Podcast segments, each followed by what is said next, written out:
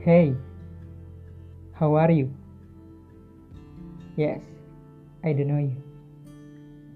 But can we get acquainted and become friends? If you hear this means it really is for you. I want to say that never feel like a failure in living life. Life is long, very long. But what makes it short is you, your mind.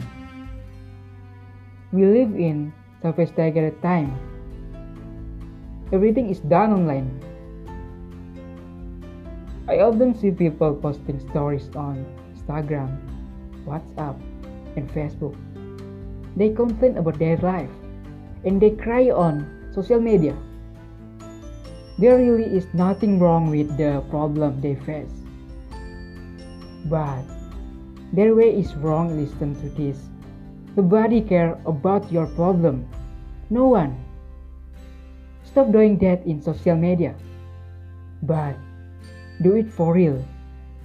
Pray and never give up. It's the right thing to do.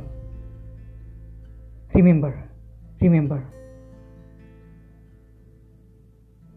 Think mature in dealing with something, then you will be happy. Okay? See you. See you in the next story. Bye. Have a nice day. Pray and never give up. Remember,